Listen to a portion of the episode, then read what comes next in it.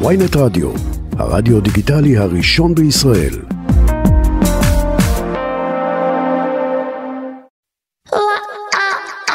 עכשיו בוויינט רדיו, אלוהים שלי, עם יצחק טסלר.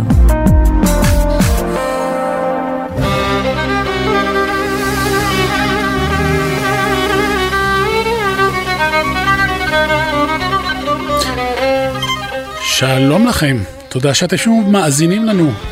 היום מתארח בתוכנית חנן יובל, שלום חנן. שלום יצחק. כיף שאתה פה. בכל שבוע אני מראיין אנשים שכולנו מכירים, מספרים לנו במה הם מאמינים, החיבור שלהם ליהדות ומסורת, קריירה, הישגים, מטרות בעתיד. יהיו גם שירים יפים אה, ומיוחדים, בעיקר ננסה להיכנס לאווירה של שבת. ומי ששומרים עלינו מלמעלה אה, היא העורכת והמפיקה טלי ליבמן, והטכנאי אה, חגי בן עמי. מיד מתחילים.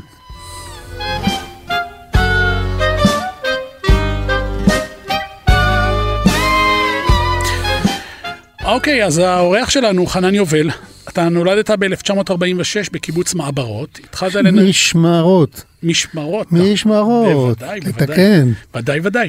אה, זה מה שקורה שכותבים מהר לפני. משמרות נולדו מאיר אריאל ושלום חנוך. זה בדיוק מה שרציתי להגיד לך. משמרות. תשמע, בקיבוץ אתה היית עם שני ילדים מאוד מאוד מוכשרים בבית הילדים.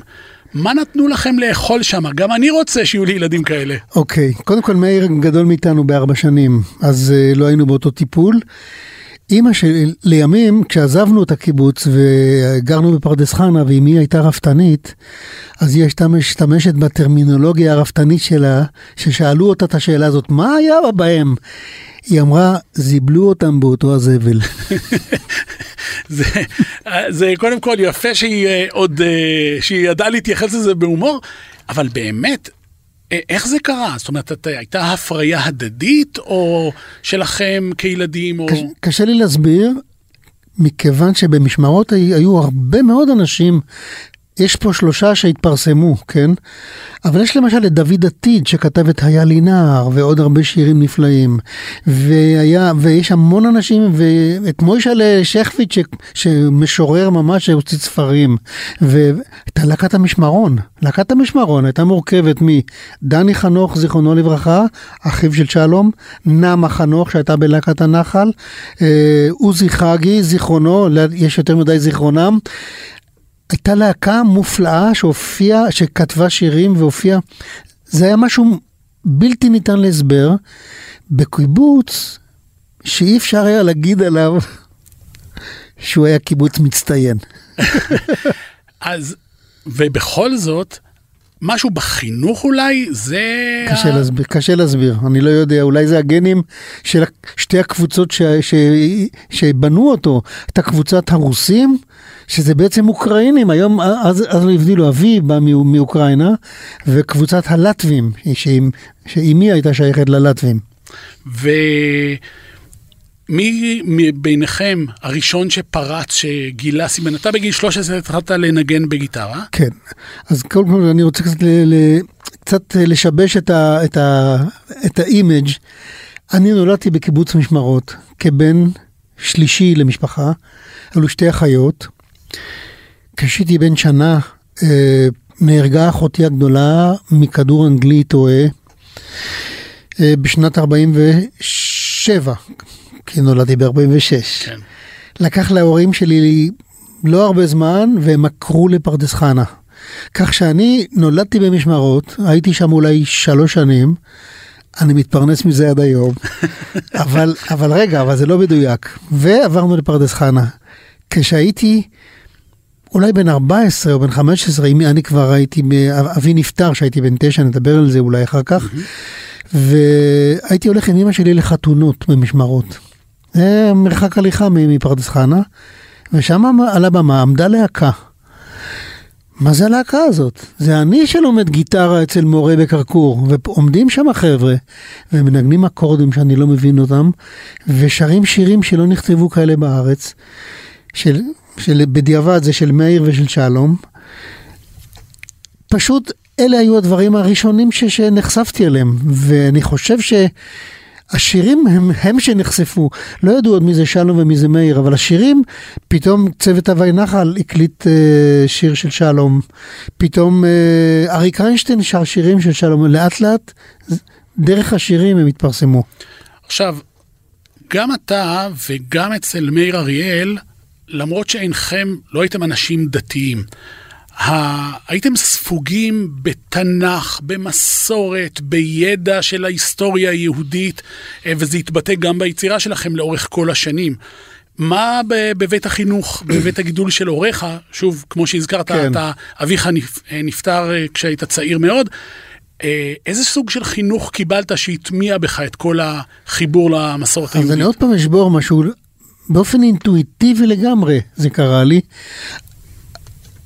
לא קיבלתי שום מסורת בבית, אבל כלום. המפגש הראשון שלי עם המילה מסורת היה כשהייתי ממש ילד, עם התוכנית המיתולוגית בכל ישראל, פרקי חזנות כבקשתך. שבת בצהריים. ששודרה לבושתנו בשבת כן. בצהריים. אני אומר לאנשים אה, שומרי, אני, אני לא חושב שאתם שמעתם רדיו, זה פשוט אי אפשר להתעלם מכל המרפסות. כי זה פשוט היה רייטינג של 100 אחוז. ושם שם, שם נזרע איזשהו זרע שאני לא יכול להסביר, אבל אני נדלקתי על המוזיקה הזאת. אני גם גרתי בפרדס חנה במשפחה מאוד, בשכונה מאוד אה, מעורבת, של אנשים דתיים ושאינם דתיים. ביחסי שכנות כאלה, הלוואי על כל עם ישראל ככה. אני אספר לך סיפור, יום אחד, אולי הייתי בן חמש. נכנסתי לשכנה, יד... שבת בצהריים, נכנסתי לשכניי הדתיים, יעקב ושרה בוכבנדר היקרים, זיכרונם לברכה, וביקשתי אופניים. ככה סתם ככה, פתאום? כן, באתי לבקש אופניים. אז באה שרה ואומרת, אתה רוצה אופניים? בשבת? תיקח, אבל אל תבקש. ואני לקחתי ונסעתי בכיף. כשגדלתי והתבגרתי, וכל פעם שהייתי בא לאימא שלי לומר חג שמח, שנה טובה, הייתי נכנס אליהם. והייתי בא אל שרה ואומרת לה, שנה טובה, חג שמח, שבת שלום, ומרים עיניים לשמיים, לספור כוכבים, אני, מוקדם מדי או מאוחר מדי, היא אומרת לי, בוא בוא חביבי, מה אתה חושב, שאני הפקידה של הריבוינה של אוהלם? אתה מבין את, הסניין, את, את הדבר הזה? זה החדיר בי את האהבה למסורת ולשכנים המסורתיים. אתה באמת מתאר תקופה שבאמת אנשים מצד אחד אמנם היו הרבה בארץ שלא שמרו מצוות, למרות שהם גדלו בבתים שהוריהם או סביהם שמרו מצוות, ואמרו, כן, אנחנו מצד אחד נבלה בשבת, אבל אנחנו גם רוצים לשמוע בשבת בצהריים אה, פרקי חזנות. זאת אומרת, אנחנו רוצים, מה שנקרא, מזה וגם מזה אל תנח ידך. אה, היום זה קצת אה, נעלם, זאת אומרת, כאילו לוקחים או את כל החבילה או שזורקים, אתה... במי האשמה? אני, תגיד לי אתה, מה אתה חושב? אני חושב ש... אני חושב שלמחנה התורני יש, אה, יש אה, תפקיד גדול בהפרדה הזאת. אני חושב, אני אספר לך סיפור, אני קופץ רגע קדימה. לימים הקלטתי את שיר המעלות, ואפשר לדבר עליו אחר כך, אבל הזמינו אותי יום אחד ביום ירושלים להשתתף באירוע גדול באצטדיון של בריכת, של רם באוניברסיטה, ובין השאר הייתי צריך לשיר גם את שיר המעלות, הייתה שם מקהלה שמורכבת מהמון מקהלות של דתיים וחילונים, ויש המון, והיו שתי הופעות נפלאות. אבל בהופעה השלישית שעברה לבריכת הסולטן, שם אמרו, שם פנו אליי ממשרד החינוך ואמרו, תראה, פה אתה צריך לשים כיפה כשאתה שר את שיר המעלות. ואמרתי, אבל אני לא צריך לשים כיפה, זה לא נכון, אני, אני בוגר החוג לפילוסופיה יהודית, אני למדתי אצל פרופסור לוינגר, בלי, לא, ופ, ופתאום, עכשיו, כל חברי המקהלה הדתיים באו אליי ואמרו לי, אתה מקרב והם מרחיקים. אני, גילוי נאות, אנחנו לפני מספר שנים היינו בכנס של לימוד ברוסיה, ובאמת ראיתי שכאשר אתה מגיע ומנגיש את התכנים היהודיים, לא בכפייה, אלא כזה, אתה אומר, זה מה שיש. אתה רואה, ראית את החיבה של צעירים, שאולי ב- ביום יום לא מתחברים לא למוזיקה ולא לתכנים, צעירים יהודים שמתחברים לתכנים האלה ורוצים לקלוט אותם. יצחק, זה שורש החסידות. זה שורש החסידות, של האהבה, של, שזה בא מפה, אתם לא רואים, מהלב ומהקישקס, ולא מפה. אה, דיברנו על זה באמת שלמדת פילוסופיה באוניברסיטת תל אביב, לא הזכרת. כן, אה, גם פילוסופיה יהודית. כן. מה משך אותך בעצם אה, לתחום הזה? כי כבר היית באותה תקופה, בוא נדגיש, השירות צבאי בלהקת הנחל, אתה כן. היית כבר מפורסם ומצליח, ולכאורה אתה לא צריך ללמוד בשביל להתפרנס, ובטח פילוסופיה, אין, אה, לא מחפשים הרבה לא, פילוסופים. לא עומדים בתור לתת לי... במודעות דרושים בשבת בידיעות, לא לא. כתוב דרוש פילוסוף. אה, לא, ממש לא. אה, פשוט מהתחושה של בורות, סליחה, מה- מהצורך למלא, למלא תכנים, למלא ידע שלא קיבלתי בבית ולא אספתי בדרך. ו, וכן רציתי להיות מחובר. תראה, המסורת בשבילי, אם אני רוצה להגדיר אותה, היא חלק מהתרבות שלי. שם אני שם אותה. ואני משקיע בתרבות, וזה חלק מההשקעה בתרבות, וזו הסיבה שהלכתי ללמוד פילוסופיה יהודית. מה משך אותך, או מה אתה זוכר או סוחב מאז, ש... מה אני סוחב מאז? תראה, אני למשל, על, את כל לימודי הקודש למדנו אצל פרופסור לוינגר, הרב לוינגר, רב אורתודוקס, האח של, שאמרו עליו, על שני האחים אמרו שכל אחד אומר על השני שיש לו אח לא נורמלי, סליחה. אבל הוא היה פשוט נפלא, והוא אמר, אנחנו, אני מיהדות אשכנז, אתם לא חייבים לח- לחבוש כיפה. זה מנהג, זה לא מהתורה, זה לא מהדרייתא, זה לא מ... וזה מקרב, אתה מבין מה אני אומר? זה מקרב. ועובדה שאנחנו מדברים על זה היום עשרות שנים אחר, לאחר מכן. אז בוא נדבר על שיתופי הפעולה מיד אחרי שאתה יוצא. אמ, קצת על שיתופי הפעולה שהיו אה, בהתחלה. היו לך כמה שיתופי פעולה שחרכו את המדינה ואת הבמות. כן. אני מודה שלאורך שנים אני לא חשבתי שאני זמר. מלחין בכלל? מה זה פה כל אחד מלחין? אני הכרתי בכישוריי שאני מוזיקלי ולמדתי גיטרה וידעתי לעשות קול שלישי והייתי מצוין פה ו... אבל זמר? עד ששלום חנוך בא אליי והציע לי לקחת אה, חלק בהפקה של השלושרים יחד איתו ועם בני אמדורסקי, עדיין לא זמר, עדיין אני חלק משלישייה. ו... רגע, אבל כששלום היה מאוד מפורסם וגם בני... גם שלום עוד לא היה מפורסם כל אה. כך. בני היה מפורסם. כן. בני היה הזקן בן ה-37, כן? קשיש, ו- בוא- קשיש, כן. ואנחנו היינו ינוקות בני 22, ובני אמר לשלום, תשמע, ישראל גוריון, הבן זוג שלי, כל פעם נוטש אותי לתיאטרון, ועכשיו הוא נטש אותי, בוא תחליף אותו. ושלום אמר לו, לא, לא, לא, לא, אבל אני מוכן לעשות שלישייה עם חבר. ואני זוכר שבני זימן אותי לפגישה בפאב המוזג בתל אביב, האיש לא החמיץ רגע, והוא היה מורה דרך, מורה לחיים, ממש בתכלס, במעשיות. וה- ואמרתי, בסדר, עכשיו, לא התכוונתי, לא תכננתי. אני הייתי לפני זה קצת באמריקה, אני למדתי תכנות מחשבים. מה, אימא לחצה שהילד אה, יצא לא. עם משהו ביד? אני אחרי הצבא נסעתי להיות מלווה של יו- זמר בשם יואל דן. הייתי חודשים רבים בניו יורק, ובשביל שיהיה מקצוע למדתי תכנות, למדתי קובול ואסמבלי, לא פחות ולא יותר.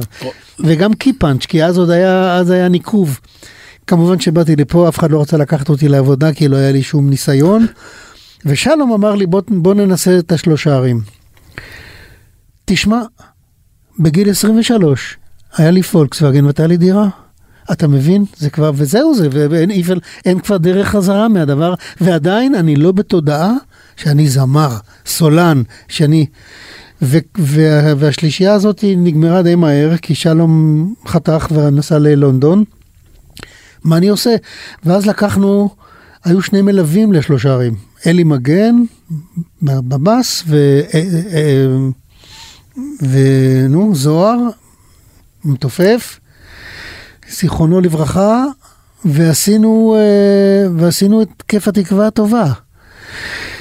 אבל זה היה בית משוגעים, שפתאום אה, נכנס שמוליק, זוהר, שמוליק אה, קראוס בלי שהזמינו אותו, כי ג'וזי הייתה שם, ואני ברחתי משם.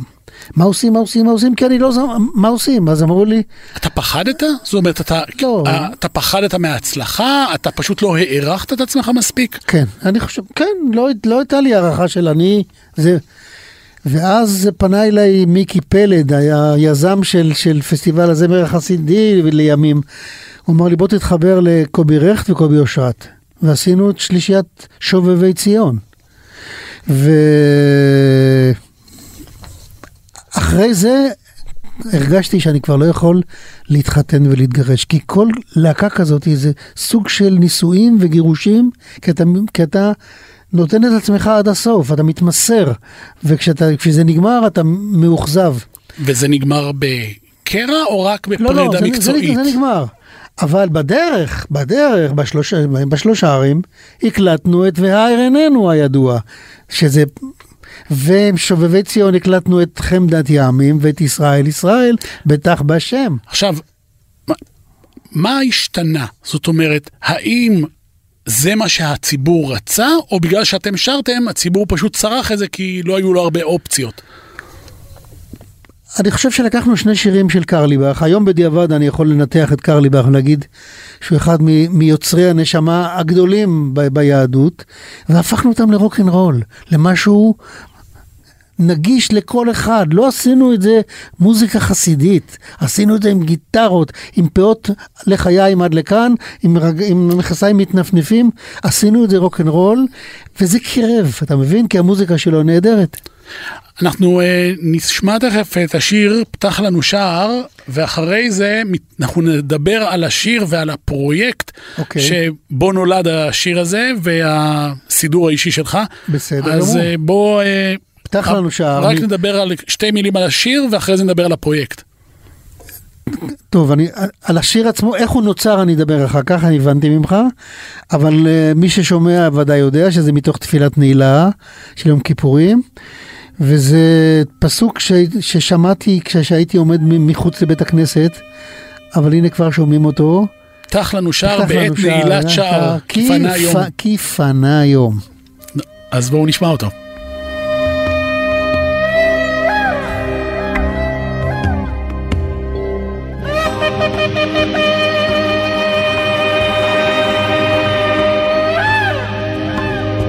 פתח לנו שער בעת נעילת שער כי פנה יום פתח לנו שער בעת נעילת שער כי פנה יום היום יפנה, השמש יבוא ויפנה, נבוא על שעריך. היום יפנה, השמש יבוא ויפנה, נבוא על... תודה שהשבתם אלינו, ולחנן יובל. היי חנן. שלום שלום. תשמע, אה, היו לך שיתופי פעולה אה, מרתקים לאורך השנים, הרבה מאוד שיתופי פעולה, כי קריירה ארוכה ומרשימה שעדיין ממשיכה. אני אפילו אוסיף ואומר, ואשוויץ, אני לא, לא נוהג להשוויץ, אבל אם תבדוק, יש לי שיא גינס בשיתופי פעולה בישראל, תאמין לי. אבל שניים מהבולטים שבהם, אה, אהוד מנור, זכרו לברכה, ורוני סומק, אה, ייבדל לחיים ארוכים. שניהם נכונים. אה, כן, כן. בוא ספר לי קצת על, על אהוד שאולי לא הכרנו. אהוד שלא הכרנו. אה, אני הכרתי את אהוד, אני הכרתי את אהוד בהכנות ל... למופע ימי בנימינה, אלף... סוף 1982. אה, לא הכרתי, אנחנו נולדנו אולי חמישה קילומטר אחד מהשני, הוא בבנימינה ואני במשמרות, גדלתי בפרדס חנה, אבל לא נפגשנו אלא בתל אביב, הוא גם היה מבוגר ממני בשש שנים, לקראת המופע ימי בנימינה. הימים היו ימים לא פשוטים. מלחמת לבנון הראשונה הייתה בצפון. זאת הייתה הפעם הראשונה שאהוד מנור גם חשף את עצמו לקהל, ולא רק מיקרופון של רדיו או מצלמה של טלוויזיה. עם רעמה ענקית הייתה לו אז. כן, ו- ויצאנו לדרך, ושמענו חדשות ביחד, וקיטרנו ביחד. והוא החזיר אותי למסלול, למסלול כתיבה, זאת אומרת, היה, היו לי כמה משברים לפני שפגשתי אותו. היה לי אירוע עם דודו אלהרר, אה, והקוסקוס והשרפן, ושושי באגף שבע, ופסטיבל כנרת שנפל בגלל, כל מיני דברים, אמרתי, אני לא במקצוע, תעזוב, תחליף. ואז פגשתי את אהוד, והוא החזיר אותי, והוא קרא לי חונה. הוא אומר, חונה, תתחיל לכתוב. כי היה לי הפסקה גדולה בכתיבה, ובנסיעות שלנו התחלנו לדבר על דברים ולכתוב עליהם. זאת אומרת, הוא היה סוג של מנטור, הוא היה קורא את המחשבות, כותב שיר, נותן לי, אני הולך הביתה ועושה מוזיקה לשיר הזה. אתם הייתם uh, מתחבטים הרבה, או שהכתיבה זרמה uh, אצל שניכם במהירות? הכתיבה אצל אהוד הייתה שוטפת, זאת אומרת, קודם כל, גם פיזית הכתיב, הייתה לו כתיבה תמה, היה לו כתב עגול מדהים, עד היום יש לי דפים שלו, של שירים, ולא, הוא היה, תשמע, הוא היה כל כך מוכשר, וכל כך אינטליגנטי. אה, אצלי לא, אצלי זה לא ככה, אצלי זה היה הרבה יותר התלבטויות והרבה יותר, אפילו היה לי תמיד קטע שאני בא ואומר לו, תשמע, ומתנצל איזה עשר דקות. אז תן דוגמה לאיזה שיר שכתבת והתחבטת מאוד בו, שמוכר, מה, מה... כתבת הרי המון שירים בלי עין הרע. מה, עם אהוד? או עם אהוד או לבד, שהתחבטת בהם במילים ובסופו של דבר שינית. תראה, התחבטות שגדולה שהייתה לי, אני יכול, לא קשורה לאהוד. כשהייתי בלהקת הנחל, יוסי בנה היה הבמאי שלי. ויום אחד דודו אלהרר הביא לי טקסט של יוסי, והוא אומר, יוסי רוצה שתחבר לו מוזיקה. עכשיו, במאי של טלוויזיה זה סגנו של האל, איך אפשר ל- להתקרב לזה? ומצד שני, איך אפשר לסרב? ומה זה התלבטות? היה טקסט על השולחן, והסתובבתי סביבו, וקראתי אותו מרחוק, בלי לגעת אפילו, עד שיום אחד הוא צלצל ואמר, נו, אפשר לי לשמוע משהו? אמרתי לו, יוסי, אני צריך עוד כמה ימים לתקן, ולא נגעתי. והמשיכו עוד כמה ימים לעבור, והוא אפשר לעבור, וככה זה היה ריטואל שחזר, עד שיום אחד הוא אמר, מחר אני בא, מה שיש יש, ככה. ומהפאניקה נולד השיר אני וסימון ומויז הקטן. או, זהו. אתה מבין? אה, משהו ב, ביצירה, זאת אומרת, התלבטת נגיד איזה סגנון מתאים? כי זה באמת הפך ל... פחדתי לגשת לזה בכלל, תשמע, זה היה, זה היה גדול ממני. עוד פעם, היום היום, היום אני כבר לא במצב הזה, היום גם אם לא מצליח לי אז לא מצליח לי, אבל אני לא, אני עם ביטחון עצמי יותר גדול מאז, אה, עם שליטה יותר טובה, אבל אה, פחדתי פחד מוות, מי אני, מה אני, זה, זה, וזה, הפאניקה הייתה גורם חשוב ביצירת השיר אני וסימון ומויז הקטן, עוד, ובאתי ושרתי לו בעברית, אני וסימון ומויז, אמרתי לו, הוא אמר לי, נכון שצריך להגיד אומוי, זה אני כתבתי ותשמור על זה. אז זאת הייתה התלבטות. עם אהוד, כשהייתה לי התלבטות הייתי מרים אליו טלפון, זה היה פשוט, אה, וכשהייתי אומר לו, שמע, אני רוצה להגיד לך על משהו, אבל שכחתי, הוא היה אומר לי מה שכחתי, הוא היה קולט אותי מ, מרמת אביב ג', הוא היה סוג של מנטור. איתו היה הרבה יותר פשוט, הדברים זרמו, עשרות רבות של שירים נכתבו יחד. אה, כאומן שהוא לא רק כותב, אה, אלא גם מופיע הרבה. אה, מבחינת הילדים, אתה גם היית מפורסם מאוד, וגם היית נוסע הרבה אה, להופעות בחו"ל ולילות שלמים. אה, איך הם קיבלו את ההצלחה? הם קיבלו את ההצלחה, לפי דעתי גדלו לי שני ילדים נורמליים לגמרי, לא, לא, לא מדוכאים ולא שום בעיה. יותר מזה, הבת שלי שירה, בשלב מסוים הצטרפה לאהוד ואליי להופעות. היא השאירה, חצתה חצי עולם, הייתה באמריקה, הייתה באוסטרליה, הייתה במקסיקו, הייתה באירופה, יחד עם אהוד ואיתי, זמ, הייתה זמרת נפלאה, ודור הגדול השאיר על שמו. כן, בוודאי. הדור הבא ישן בחדר הסמוך. עכשיו, לשירה, כשהייתה באה איתי להופעות, היא לא הייתה אוספת חתימות מהאומנים האחרים, היא הייתה אוספת לחיצות ידיים. איזה לחיצת יד הרשימה אותה במיוחד? אני לא, זה צריך לשאול אותה, לא יודע. אבל זה מה ש... כן, אז אה, השתדלנו לשמור על בית נורמלי לגמרי. אני לא... אין לי בתודעה, אני האומן. אתה מבין מה אני אומר? אני לא יודע, אני לא מתנהג, אני חושב, אני לא מתנהג אחרת מהשכן שלי. יש תופעה שהיא טבעית, כשמישהו מאוד מאוד מצליח, ואנשים מקנאים בו ובהצלחתו, אה, ופונים אליו בבקשה לסיוע. ובוא ותגיד, תראה משהו שכתבתי, תראה משהו שהלחנתי ותקשיב לי רגע.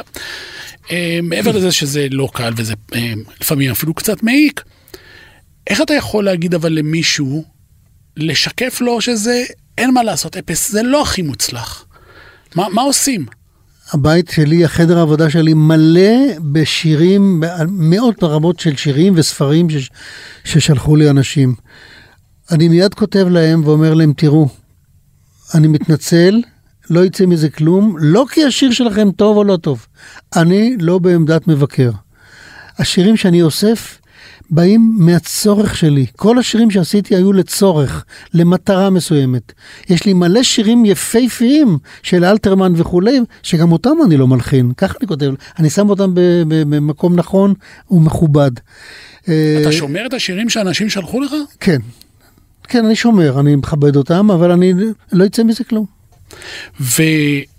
ובכל זאת אני שואל, כאשר צריכים לשקף, או אתה יכול לבוא ולשקף למישהו שהוא לא מבקש שיתוף פעולה, אלא רק רוצה שתגיד לו האם הוא כותב טוב או לא טוב, או מלחין טוב או לא טוב. אני משתדל לצאת, ל- ל- לא להיות שם, אני לא רוצה להיות מבקר, ממש, אני לא רוצה להיות מבקר, אני גם יכול לטעות. mind you. תשמע, אני שומע היום דברים ברדיו, שאם היו, זה היה תלוי בי, הם לא היו מגיעים לרדיו, והם מצליחים הרבה יותר ממני. מי אני שאני, שאני, אתה מבין? לא. יש מישהו מהצעירים שאתה כן מתחבר אליו ל... מהחומרים החדשים? אני שומע, אני שומע שירים, זאת אומרת, יש, יש, אני לא אומר הזמר הזה. וגם הצעירים שאני מת, מתכוון אליהם הם כבר גדולים, כמו, אה. כמו שלומי, שלומי שבן וכאלה אחרים. אה, אוקיי, לא ממש ינוקות. כן. אה, דיברנו על אה, רוני סומק, גם. כן. אנחנו מדברים על אהוד מנור, זכרו לברכה, רוני סומק, 23 ו-24 שנים, כל אחד, אז ממש. זה וזה, היה, וזה קרה פחות או יותר באותה שנה, 1982. פנה אליי מי שהיה אז אה, אה, סגן מנ, מנהל אומנות לעם, ואמר, בוא תעשה מפגש עם משורר. ואמרתי לו, בטיפשות, מה, אני מרצה? אני זמר. בוא תנסה. ותשמע, כוח עליון שלח אותי לפגוש את רוני סומק. אוניברסיטה כזאת לא יכולתי לקבל מאף אחד בעולם. תענוג. והתחלנו לעבוד. עכשיו, רוני עוד היה, היום הוא, הוא כוכב, היום הוא סטאר. הוא לא היה סטאר אז. אני הראיתי לו מה זה לשיר, כשיש, מה זה לקרוא שיר עם מוניטור, כדי שתשמע יותר טוב. הוא אומר, לא, לא צריך. אמרתי, צריך. אנחנו עושים הופעה כמו שצריך, ולאט לאט נוצר, נוצרה בינינו כימיה. שהוא לפי הרמת גבה שלי ידע לאן לכוון את, את, את השיר הבא, וככה דיברנו על, עברנו מחלקות, עשינו שולחן, שולחן אה, וירטואלי, שעליו שמנו חומרי עבודה מהשירה ומהמוזיקה, איך מחברים מילה למוזיקה, איזה, איזה אסוציאציה, איזה, איזה רגש, ועברנו משירי מקום לשירי חברה, לשירי אהבה. וזה פשוט אה, הייתה חוויה לנו, וכל, עד היום, כשאני מופיע, אפשר לשמוע את רוני סומק פה ושם בדברי הקישור שלי. אמ, שמענו קודם, פתח לנו שער, כן, אני רוצה. מהפרויקט של סידור אישי. אני רוצה אז להתייחס. אז בוא נדבר אה, על הפרויקט המקסים הזה. אז כאמור, בגיל חמש התחיל העסק הזה ששמעתי את, את פרקי חזנות, ולאורך הדרך היה לי דיאלוג עם המילה מסורת, שהוא לא היה מסודר, אבל הוא היה מפוזר. בשנת 2000 פנה אליי אלעזר שטורם, שהיה אז אה, המפיק של אה, פסטיבל ללימודי יהדות בכפר בלום, ואמר, בוא תעשה מסע אישי יהודי. אמרתי לו, בשמחה, אני אוהב לעשות הכל, אבל למה אני? והוא נתן לי את, את uh, כישוריי בפניי, סליחה שאני אומר, הוא אומר, אתה שרת קרליבך, אתה הקלטת את שיר המעלות, אתה למדת פילוסופיה יהודית, ואתה לא דתי, ואתה אתה טוב לי לשם. ואמר, טוב, בסדר. ולילה אחד הוא פרץ אליי הביתה, לא דפק בדלת, החזיק דיסק. אני קורא על הדיסק, קדיש. מוזיקה, מוריס רבל. ביצוע מירה זכאי, אז זמרת אה, אופרה ידועה. הוא אומר, תלמד את זה, אתה הורס אותם בכפר בלום. יאללה, תתחיל. שמעתי את זה, ובעצמי לא נהרסתי. זאת אומרת, עם כל הכבוד לכל השמות האלה, אני מתחיל מהרגש, אני צריך להתרגש. אז בחוצפתי הלחנתי קדיש. זה לא קדיש יתום, זה חצי קדיש. ו... ומשם התחיל העסק. ועשיתי עוד כמה דברים, ועשיתי, עשיתי, למשל עשיתי, אה, אחד הדברים הראשונים שעשיתי בחיי היה ערב תיאודורקיס. ובערב תיאודורקיס שרנו על, את הבלדה על מאטהאוזן, שזה, שגם השואה היא חלק מהתודעה היהודית שלי. ו, וככה נאספו דברים. וב-2005 פנה אליי דוד בלומברג, דרך ידיד, דרך שליח, והזמין אותי לקחת חלק בסמינר של קרן עדי. עדי בלומברג, זיכרונה לברכה, דרמר, הייתה, אתה יודע שמי שהיה בעלה, היה אחר כך שגריר בארצות הברית. רון דרמר. רון דרמר.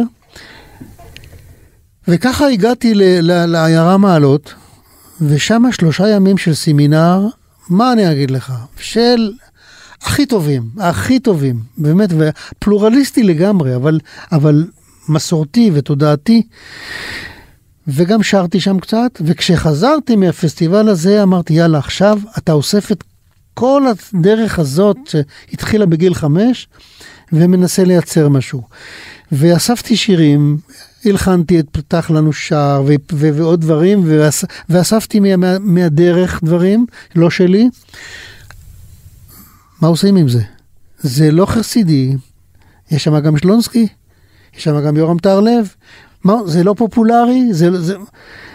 ורוני סומק אמר לי, תקשיב, אם אתה מוציא דיסק עם, עם חוברת בפנים שמסבירה, לא עובד. אם אתה מוציא ספר שבתוכו ישכון הדיסק, יעבוד. אז- וכך היה. אז זה יצא... הוא היה המנטור שלי ל... ל... אני רוצה, ברשותך, אתה יודע, אני אפילו לא אקרא, אני אספר את זה בקצרה. שמענו פתח לנו שער קודם. בהופעות אני, אני, אני מספר משהו כזה, אני אומר, אני נולדתי במשפחה חילונית לחלוטין, ולא היה לי שום דיאלוג עם המילה דת, רק לפעמים, ולא נהגתי ללכת לבית כנסת.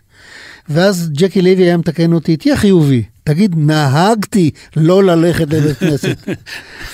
מסורת. חוץ מימים מסוימים. אחד- מהימים המסוימים האלה היה כמובן יום הכיפורים, שאז הצטרפתי לילדי השכנים. ואני זוכר שהייתי עומד שם בחוץ, בח, בחצר של, של, של בית הכנסת הגדול בפרדס חנה, ו, וביראה גדולה, אני לא יכול להסביר את זה אפילו, מצפה לתקיעת השופר. וביראה עוד יותר גדולה, מצפה לפתח לנו שער בעת נעילת שער כיפן היום, כי הראש הילדותי שלי דמיין מי שם אחראי על השער, שיפתח, שייתן לו ולה ולהיכנס ברחמים גדולים, וכל פעם שניסיתי לתת פנים לאל, פני אבי עלו לפניי, אבי שנפטר כשהייתי בן תשע, תשע. ואז אני אומר, אבי שבשמיים. אז אה, אם דיברנו על שיתוף פעולה, אז אה, בוא נגיד אה, שלום עם שיחה בהפתעה. כן, שיחה בהפתעה.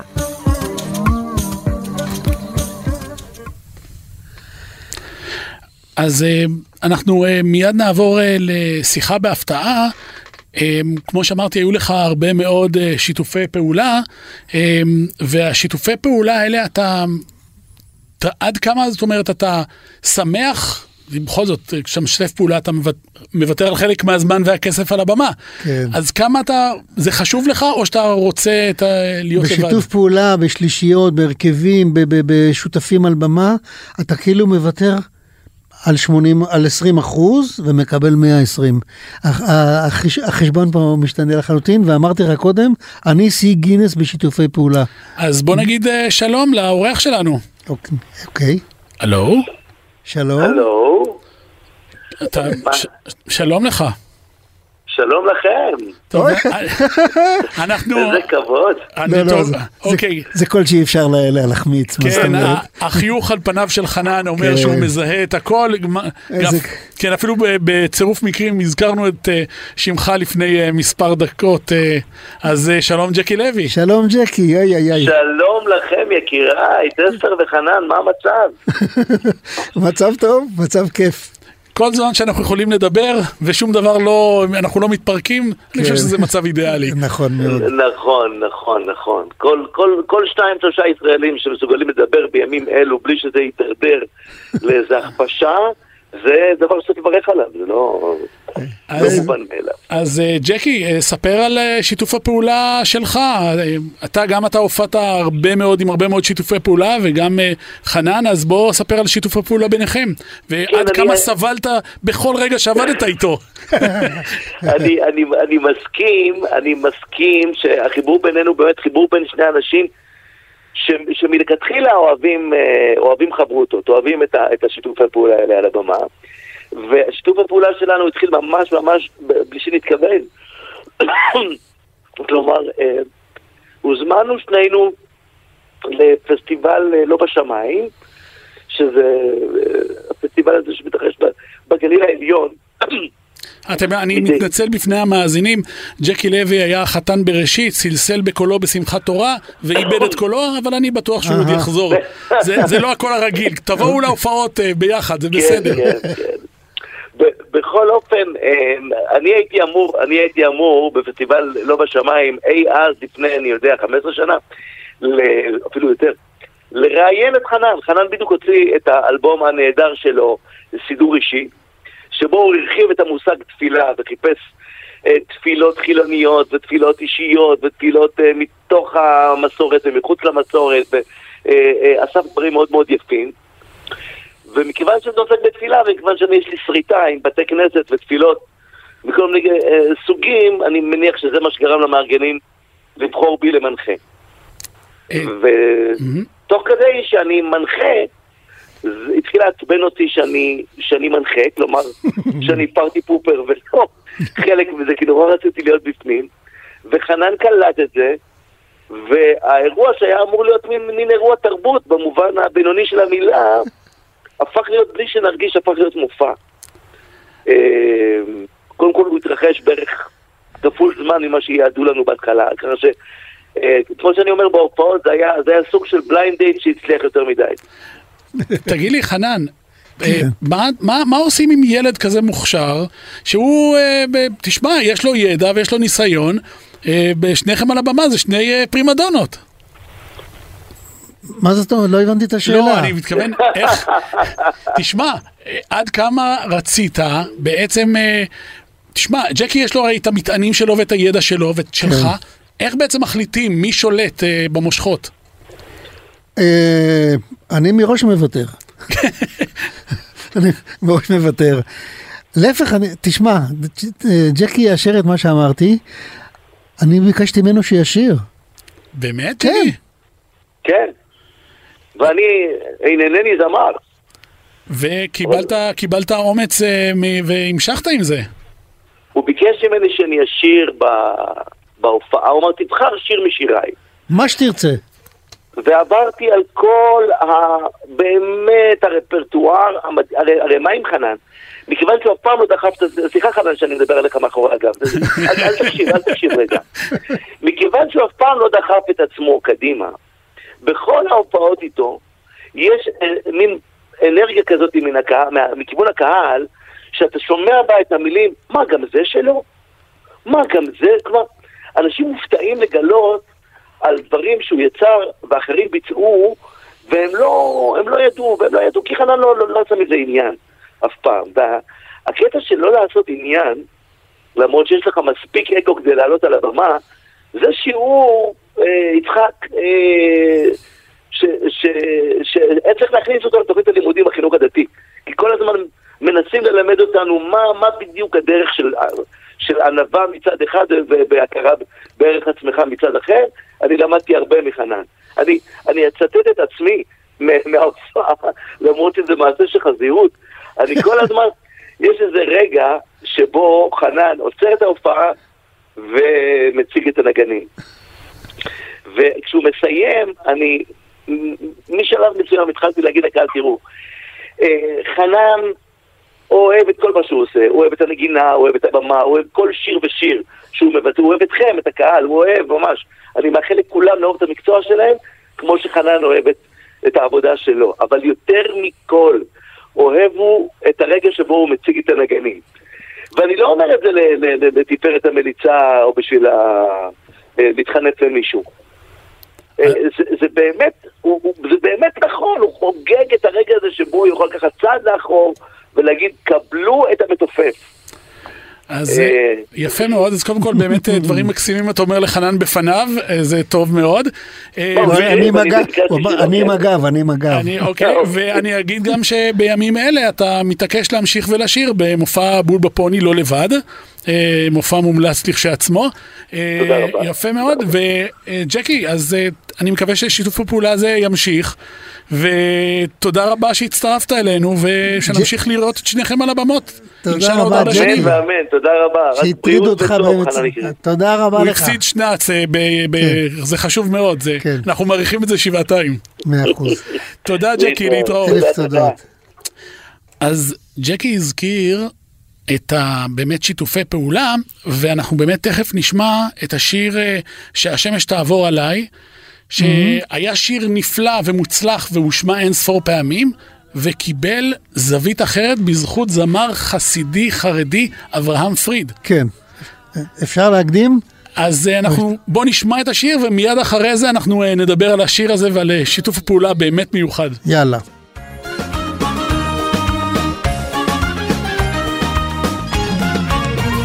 ישנם ימים ללא מרגוע, בם לא אמצא לי נחמה. אני לנגוע בעשבים באדמה, לפסוע באותה הדרך בתוך פריחה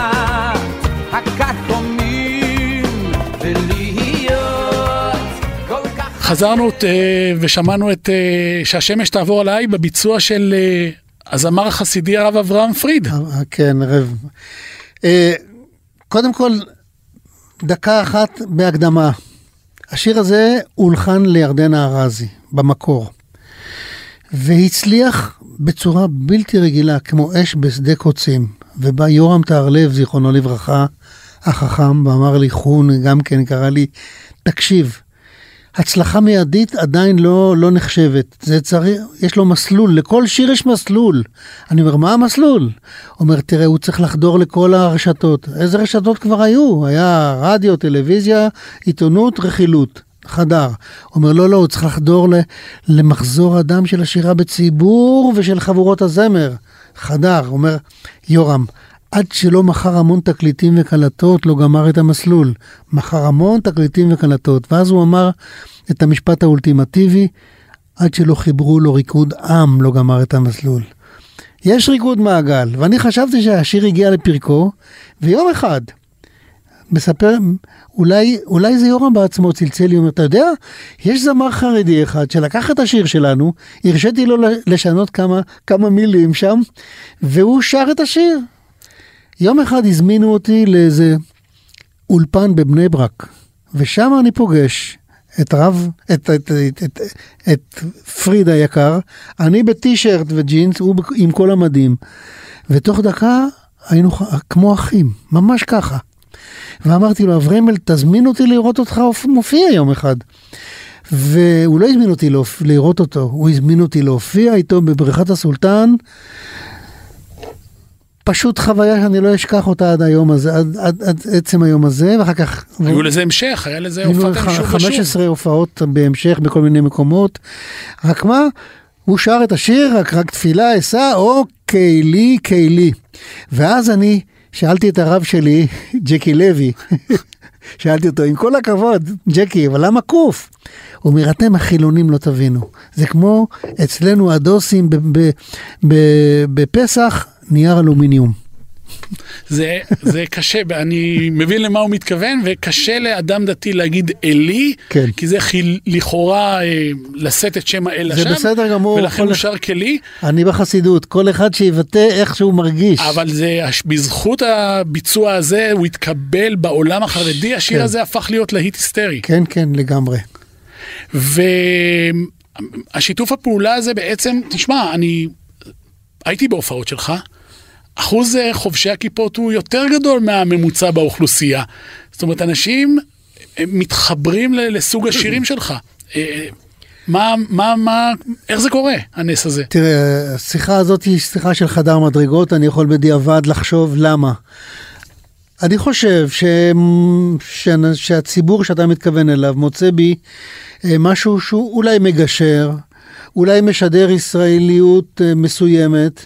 תשמע, אני, אני, אה, מפר... אני מפריד לחלוטין פוליטיקה מהעבודה שלי, למשל, בהופעות. אני מופיע לא מעט מעבר לקו לאנשים שרוצים לשמוע את חנן יובל. זאת אומרת, זה בסדר וזה בסדר. וזה... אה, אני, ואני בסופו של דבר מקווה שמאמינים לי, כי יש פה עניין של, של אני מנסה לשדר משהו הגון, ואם הם מאמינים לי, זה עובד.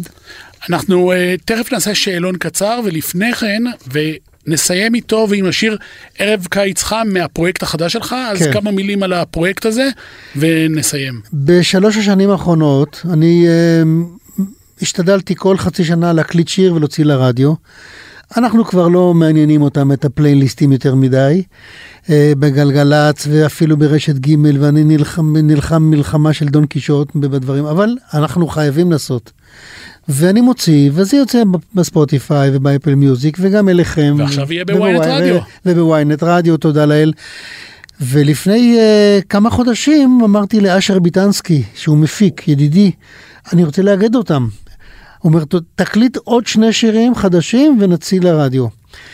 הקלטתי שני שירים של יונתן גפן, ש, שיש לי, ב... והוצאתי אלבום שנקרא תמונה מאלבום ישן. והשיר שהכי תפס מכל השירים האלה, אה, איך אני יודע שהוא תפס? קוראים לו אה, ערב קיץ חם עם המילים של מאיר אריאל. אני בתקופת הקורונה הופעתי הרבה מאוד בדיורים מוגנים. עכשיו, כשבאתי לאנשים המבוגר, המבוגרים האלה, מדבר פה הילד, כן? אה, עשיתי רפרטואר שאני חושב שמתאים להם. ובכמה הופעות באו אליי בסוף ההופעה אנשים מבוגרים מאוד, הרבה יותר ממני, ואמרו, היה נהדר, אבל מה עם ערב קיץ חם? יפה, אז... אה, תענוג. על רקע, על רקע שיר שעוד מעט נשמע, כן. שאלון קצר, תענה לי ממש בקצרה. כן, אחרי 120, מה תגיד לבורא עולם כשתפגוש אותו? תודה רבה. יש כאלה שמפחדים מהיושב במרומים. ממי או ממה אתה מפחד? ממי וממה אני מפחד? אני די פטאלי, אני לא כך מפחד. אם לא היית זמר, אומן או מבצע, מה היית רוצה להיות או מה היית? הייתי נהג, אני מת על נהיגה עד היום. מה הדבר שאתה רוצה להספיק בשנה הקרובה? אמ, אני אהיה מאוד בנאלי, אני רוצה להמשיך את הקיים, ליהנות ממשפחתי, מילדיי, מנכדיי, אה, מהופעות, ש- שלא יהיה יותר גרוע. דמות תנכית שאתה מעריץ? הופה, דמות תנכית שאני מעריץ, אני חושב שדוד. ושאלה אחרונה, מחלקת שימור לקוחות של אה, ynet, בהשוואה בין הראיון הזה לטיפול שורש, איפה סבלת יותר? אה, לא, פה נהניתי הנאה גדולה, תודה רבה. אז אנחנו אה, נהנה לסיום עם השיר ערב קיץ חם. חנן יובל, תודה ענקית שהיית איתנו. אה, תודה לכם, מאזינים ומאזינות יקרים. תודה לעורכת והמפיקה טלי ליבמן, הטכנאי חגי בן עמי. אני יצחק טסלר, שבת שלום לכולם והרבה בריאות, חנן. שבת שלום, בריאות. יצאנו לטיול של אור וצבע מדרך כלשהי להמשכה בצווארה כבר התפנק האודם ובעיניה כבר צלל כוכב אין כל ספק שלי. הגיע קודם אך מה כוחי שלי? אל מול כוכב ערב קיץ חם, ערב קיץ חם, כל האהבה אהבות בדרך העולה, ערב קיץ חם, ערב קיץ חם, כמו שזיף בשל היה אז העולם, היא אותי ניצחה.